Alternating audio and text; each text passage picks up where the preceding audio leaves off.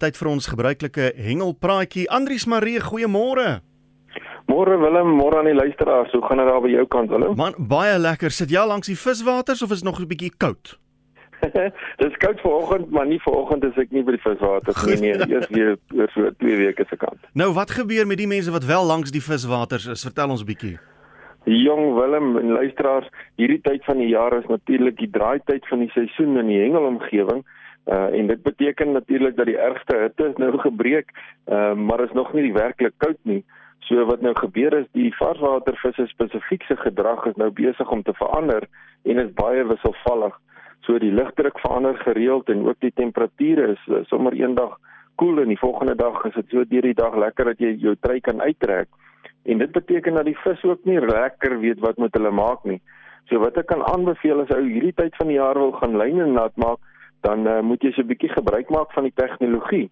Nou daar is op hierdie stadium heelwat uh, toepassings op die telefone wat 'n mens kan aflaai om dan te help dat uh, wanneer jy jou volgende uitstapie beplan, dat jy kan kyk na die weervoorspellings, dan kyk jy na die temperature en die sterkte van die winde wat gaan waai en uit die hart van die saak dan nou ook vir die reën en dit kan verseker of sommer help dat jy nie 'n mislike dag kies om daar langs die viswaters te gaan sit en eintlik maar net jou tyd te gaan mors want die visse gedrag gaan op daai stadium nie baie goed wees nie en jy gaan dan 'n baie skraal kans hê om 'n vis te vang. So maak gebruik van die tegnologie.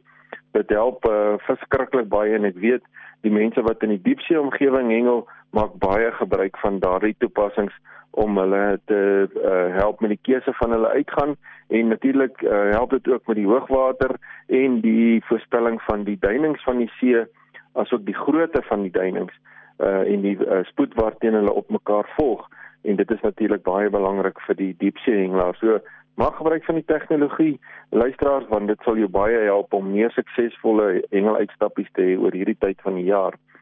Dan wat die vangste betref, Uh, in die Kaap was dit 'n bietjie stiller geweest wat die tinas betref want dit was so 'n bietjie rowwe sees daar geweest, so nie baie van die bote kon uitgegaan het nie. En uh, maar die rots en strandhengelaars het wel so tussen die weerpatrone kans gehad om te gaan lyne nat maak daar in die Valsbaai omgewing. En uh, daar het 'n hele klompie mooi groot galjoene uitgekom wat die mense daar tussen die rotsbanke kon vang. Dan oor die land heen uh, was daar nie vreeslik baie vangste gewees nie, maar langs die kus het ek wel um, gehoor van 'n klompie klein kabeljoue wat uitgekom het.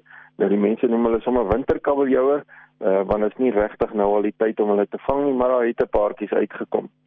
Dan het uh, Divan van Breda vertel dat hy onlangs 'n hengeluitstappie gehad het waar hy so 'n bietjie gaan lyne nat maak het en hy het kunsaas gaan hengel uh, met lepels.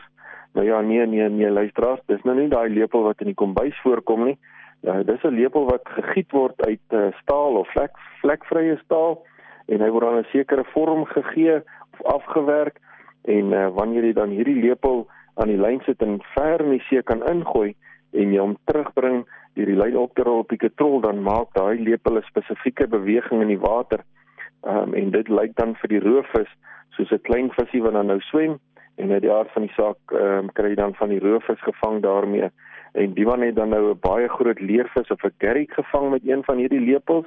Uh, nou as ek so skat op die foto dan was hy seker so 80 na 90 cm lank gewees wat 'n baie mooi leervis is. Ehm um, en daar's mooi fotos. In een van die fotos kan 'n mens ook sien daardie lepel hang so by die vis se bek uit. Um, en uh, die man het natuurlik baie mooi seker gemaak dat hy daardie hoek mooi uithaal. Uh, en daar's ook 'n foto, waar hy die vis soos 'n klein babatjie terugdra see toe. Uh, en die man het seker gemaak om daardie vis terug te plaas in die see. So Divan baie dankie dat jy ook daardie mooi vis teruggesit het. Laat uh, ek 'n volgende keer 'n kans staan om hom te kan vang of dat die vis kan broei vir ons om ook die voortbestaan van die leervisse langs ons kus te kan verseker. Ek het daardie pragtige foto's gelaai op die Hengel met Breakfast Facebookblad, so luisteraars kan gerus gaan kyk na daai pragtige leervis. Dan uh, Willem het ek die week ook foto gesien van 'n pragtige elf wat gevang is op 'n shed. Uh en hierdie shed het 87 cm gemeet. Nou ja, Willem ek moet vir jou sê in enige hengelaars mond sal hy vir jou sê dis 'n groot elf mm, daai. Hy is lekker fris. Ja ja ja, baie groot. Ehm um, en meneer Hoofs het hom gevang. Uh en dis 'n rare elf veral in daai deel van die kus waar hy hom gevang het. Ons kry nie gewoonlik sulke groot elwe nie. Dan uh Willem het ek uh, moet ek vanoggend vertel van een van my vriende uh, Ivan Medik. Nou hy is daar van Kroasie. Ekskuus tog van Kroasie af. Ehm um, en hulle daar gehengel en uh, nou moet ek eers sy vangste in konteks plaas. In Suid-Afrika as jy 'n karp sou vang van 20 kg, dan is dit 'n baie groot karp. Mm. En as jy een vang van oor die 23 kg, dan begin dit nou al bekend staan as 'n baie groot karp.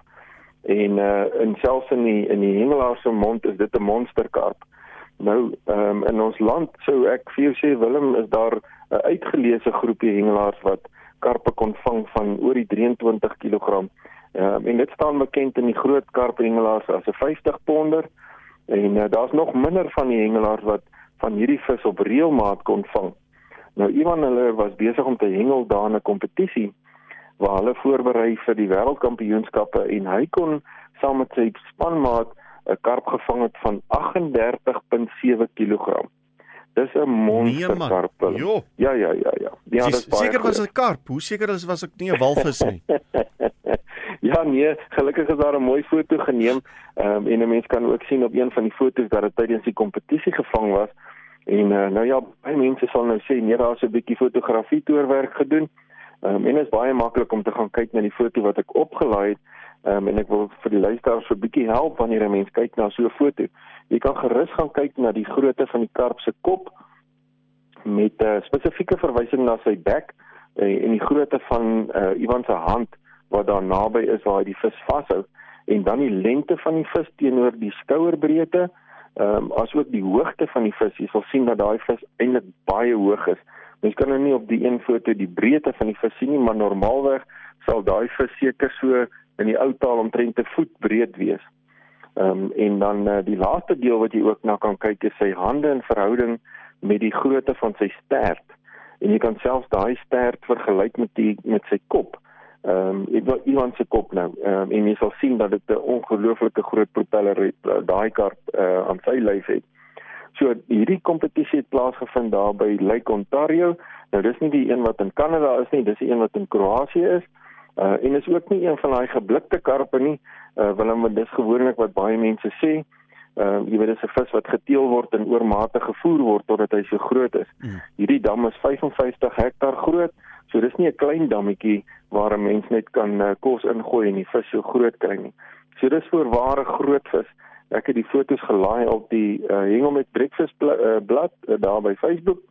Gaan kyk gerus uh, luisteraars na hierdie besondere leerkarp wat hy gevang het regtig 'n baie mooi vis. Willem, baie dankie. Dis uh op daai monster karp van my kant af 'n visserman storie voorwaar sal die mense seker dink. Ehm um, en sterkte vir die week wat voorlê. Volgende week vertel ek so 'n bietjie van die roofvis kampioenskappe wat plaasgevind het en groete aan almal. Baie dankie.